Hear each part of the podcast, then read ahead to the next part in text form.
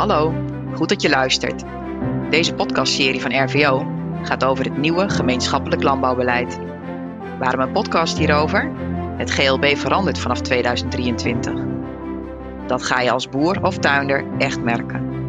Want toekomstbestendig boeren wordt straks sterker beloond. Dat is het idee. Ik ben Christel van Rij, host van deze podcastserie. Om meer te leren over het nieuwe GLB praat ik met beleidsmakers en met agrariërs over hoe je dit beleid kan inpassen in je bedrijf. Dit is de derde podcast over het nieuwe GLB. Vanaf 2023 is de basispremie die je als boer of tuinder kunt ontvangen lager dan je gewend bent. Je kunt vanaf dat jaar je vergoeding verhogen door eco-activiteit op je bedrijf toe te passen. Voor welke activiteit hier beloond wordt en wat de hoogte van de vergoeding is, dat is nog niet definitief. Maar de contouren liggen er en daarover praat ik vandaag met Aart Mulders. Jij werkt mee aan het Nationaal Strategisch Plan waar de Nederlandse uitvoering van het GLB in omschreven wordt. En je hebt een puntensysteem ontwikkeld om de vergoedingen per eco-activiteit te kunnen bepalen. Kun je uitleggen hoe dit systeem werkt?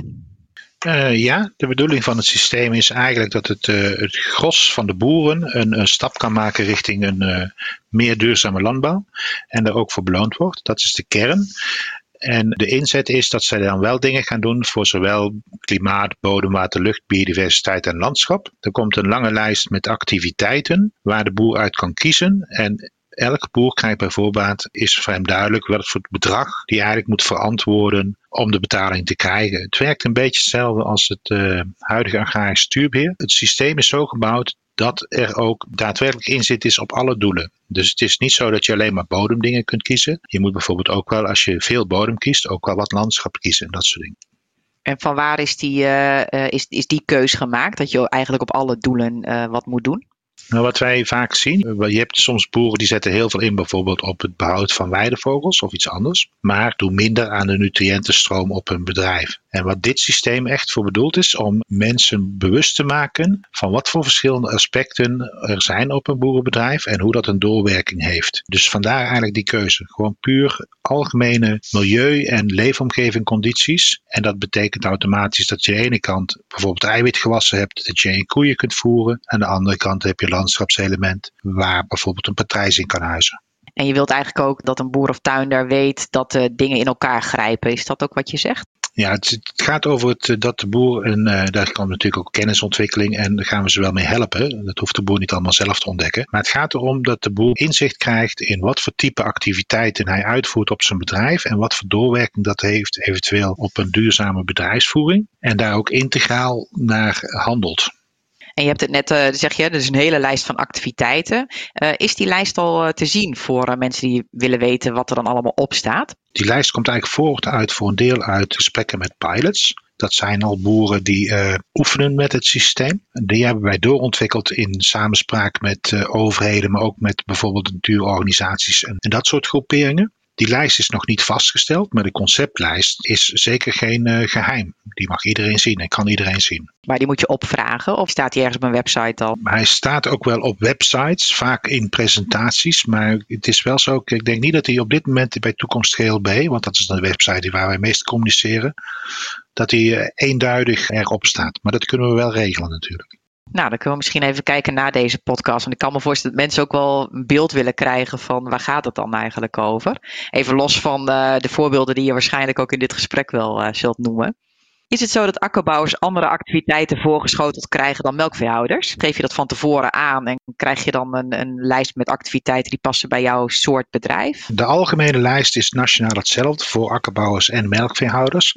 Maar natuurlijk, er is wel gekeken naar verschillende activiteiten, waarvan de ene type activiteiten meer geschikt is voor uh, de akkerbouw, en de andere type activiteiten meer voor de uh, veeteelt, zeg maar. En daarnaast heb je activiteiten, dat zitten met name in randenbeheer, die gelden natuurlijk voor beide. Een of een uh, akkerrand of een graslandrand, dat zijn, die kun je op beide uh, bedrijven toepassen. Dus het is wel gekeken naar een evenwichtig geheel, zodat beide sectoren, grote grondgebonden sectoren, in principe de activiteiten hebben staan, zodat zij ook daadwerkelijk het puntensysteem kunnen halen natuurlijk. En dat wordt ook momenteel getoetst. Ja, door de pilots ook. Nou, het wordt niet alleen door de pilots getoetst. Er komt nu een, als het, een nieuwe pilot aanvraag. Als die doorgaat, dan gaan we daar verder met het doorontwikkelen van het systeem. Maar we toetsen het ook met bijvoorbeeld boeren in Drenthe, in Brabant, die meewerken met de biodiversiteitsmonitor. En we zijn bezig met het opzetten van een algemene, wat we dan noemen, botsproef. Waar dus ook meerdere boeren bij zitten die nu nog niet in de pilot zitten. Oké.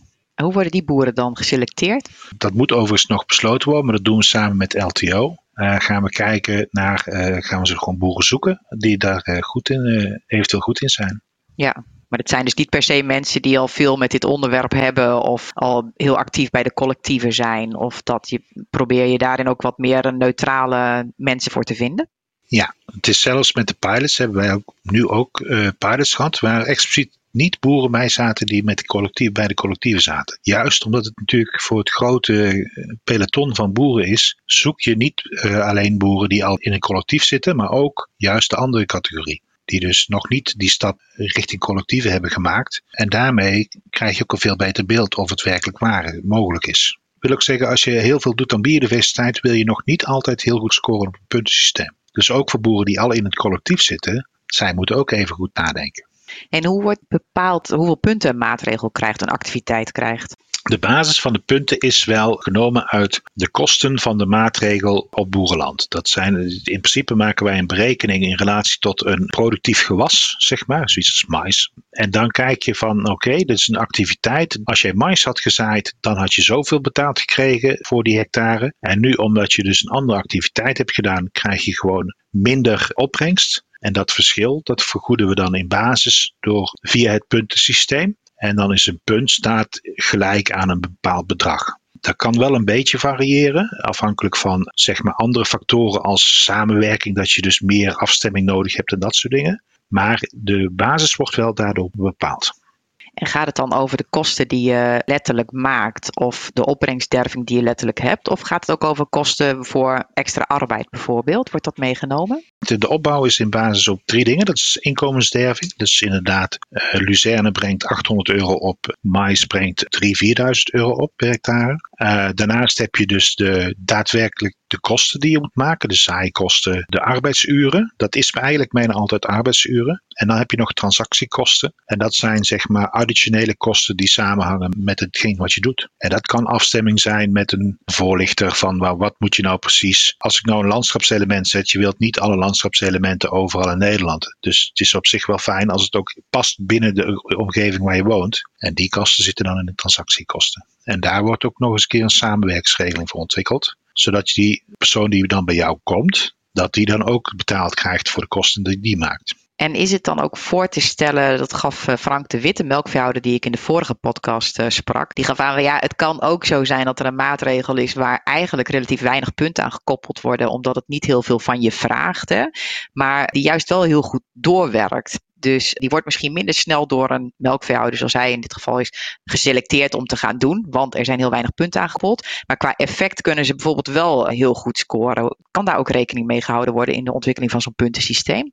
Ja, dat is nou juist wat wij nu ook in die botsproeven naar kijken. Wat je ziet bijvoorbeeld is de volle grondsactiviteiten, rustgewas, dat soort dingen. Die zijn voor een boer veel makkelijker te halen. Omdat een landschapselement heel klein is qua oppervlakte, is dat veel lastiger. In de botsproeven kijken we juist of die balans dus in punten ook goed is. Zodat je dus wel allebei doet. Want anders heb je inderdaad het risico dat het systeem aan zich leidt tot niet optimale keuzes. Dat zijn we dus aan het uitzoeken ik begrijp dat er ook een soort gradatie straks is. Hè? Want je, je kunt een aantal activiteiten kiezen. En aan de hand van de activiteiten die je toepast, kun je bijvoorbeeld uh, zilver halen. En dat geeft dan wat aan over de hoogte van je vergoeding. Kun je iets aangeven hoe die vertaling gaat van punten per activiteit naar zo'n optelsom?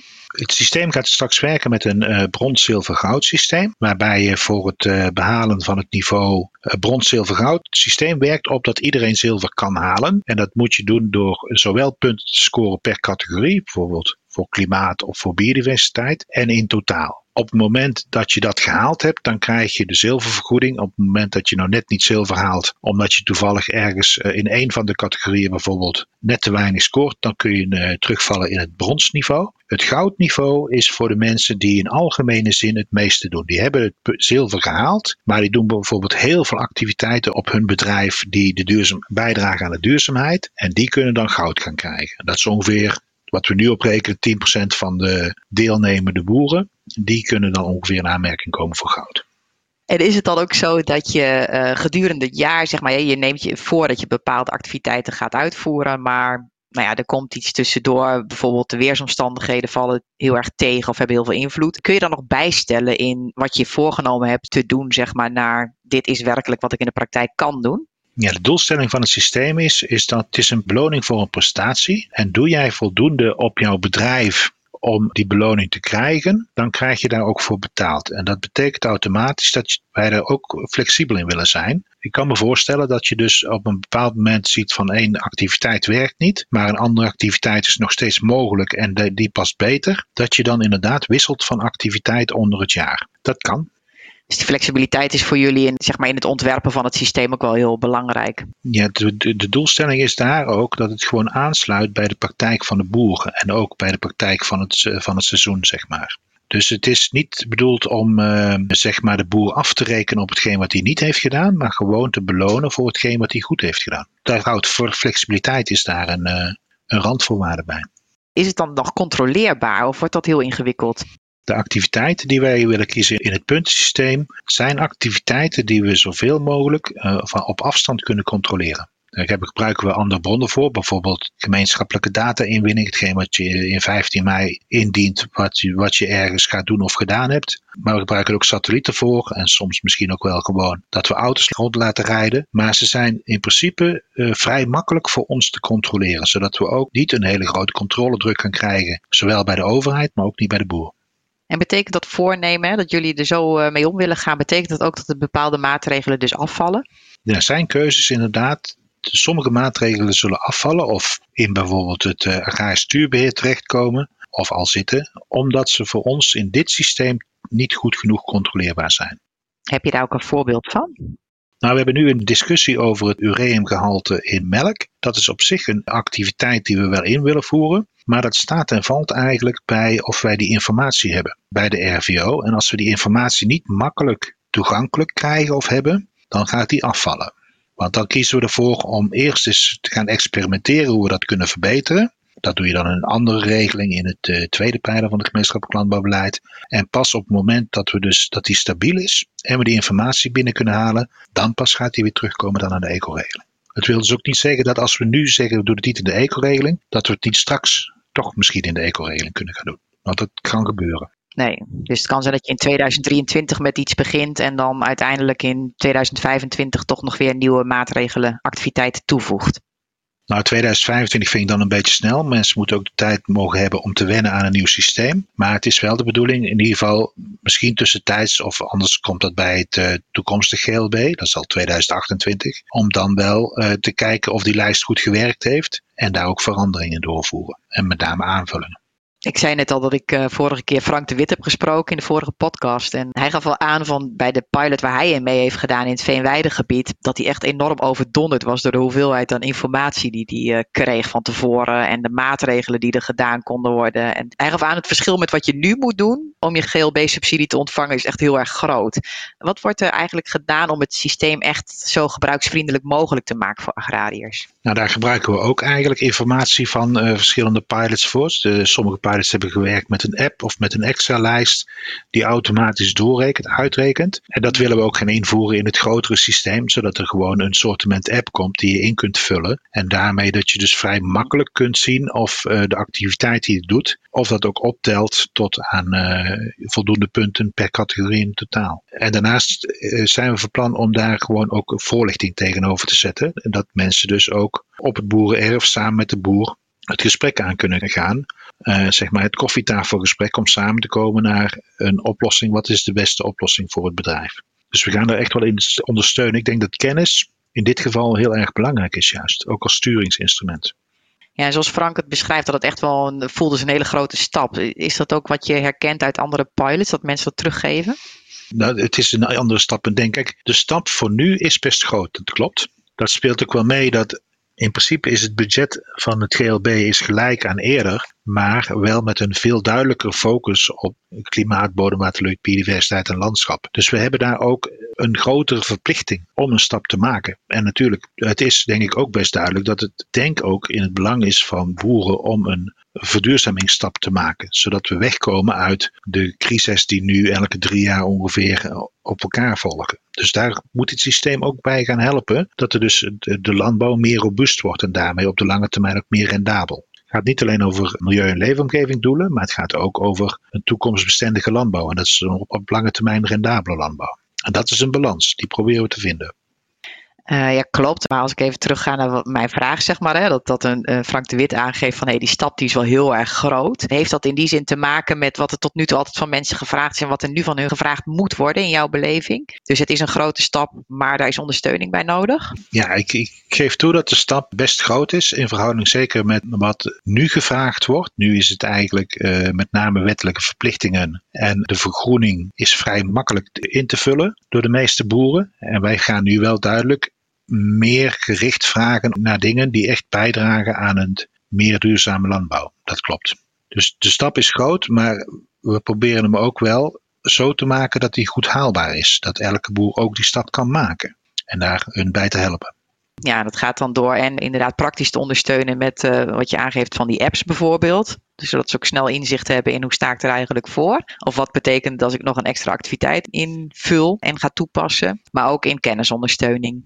Ja, en in die kennisondersteuning willen we ook kijken of we gewoon kennis bij elkaar kunnen brengen. We hebben nu bijvoorbeeld in een gebied met collectieven heb je de gebiedscoördinator van het collectief. Die komt langs om te bespreken hoe de biodiversiteitsdoelen in te vullen. Dan heb je nog dat plan Gaars waterbeheer. Die komen kijken naar uh, het waterbeheer op je erf en op je percelen. De discussie die nu speelt is een omschakelfonds waar je dus rentesteun kunt gaan krijgen. Zij gaan ook bepaalde doelstellingen vragen van, op het gebied van duurzaamheid. En wat we willen doen is ook dat samen brengen, zodat er in principe één persoon, of in ieder geval een persoon met de voldoende kennis achter zich, dat die de discussie aangaat. En ook niet dat we dus drie, vier, vijf, zes mensen met verschillende, net verschillende doelstellingen op het boerenerf krijgen. Want daar zit toch voor de overheid ook nog wel een uh, opgave om dat beter te gaan synchroniseren.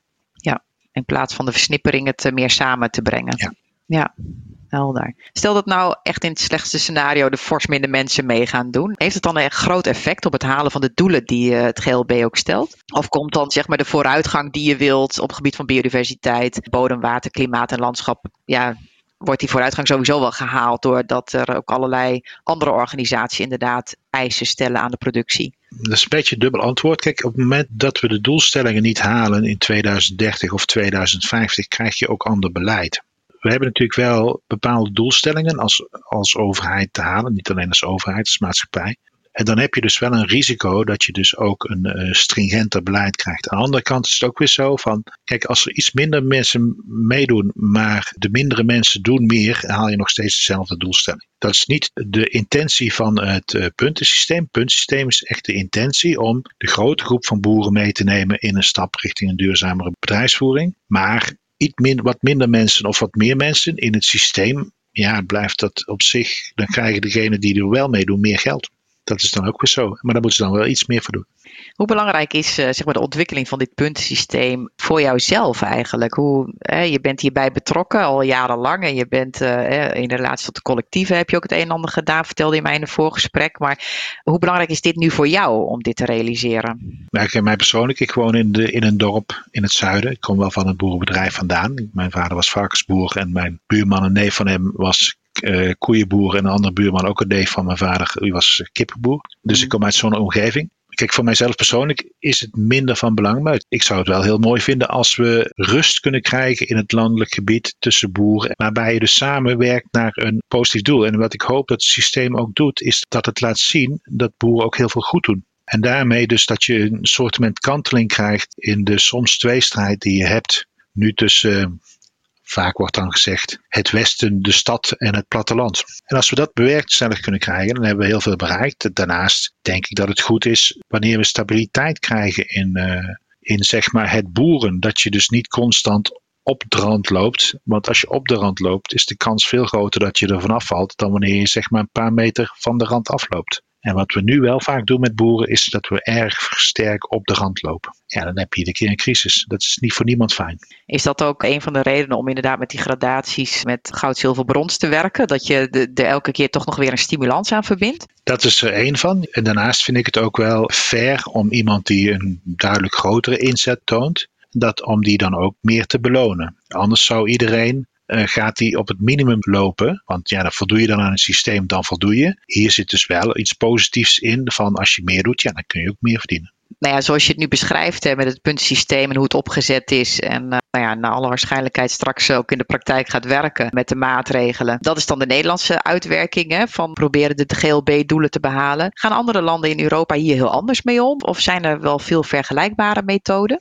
Er zijn eigenlijk niet echt landen die op dit moment al bezig zijn met het ontwikkelen van een puntensysteem. Er zijn wel ideeën van, in, uh, in Duitsland bijvoorbeeld, om er op termijn mee te gaan werken. Maar veel landen zitten nu nog vaak in het goedkeuren bijvoorbeeld van certificaten voor biologische landbouw en dat soort dingen. Dat zit bij ons ook wel naast het puntensysteem. En dan voor bepaalde activiteiten. Dus we zijn wat dat betreft wel vrij uniek in de vorm dat we werken aan een puntensysteem. En dat doen we eigenlijk voor een deel ook om de flexibiliteit te behouden voor de boer. Kijk, op het moment dat jij een rand subsidieert, dan kies je voor of een rand of niet. Maar dan heb je ook geen alternatief. Je kunt niet als die rand door omstandigheden niet goed groeit, dan heb je geen alternatief om toch te zorgen dat je je vergoeding krijgt. Dus op deze manier, met het puntensysteem, creëer je flexibiliteit. Ja, en dus ook de keuzemogelijkheid voor de ondernemer uh, ja. uh, om de dingen te kiezen die bij hem en bij zijn bedrijf passen.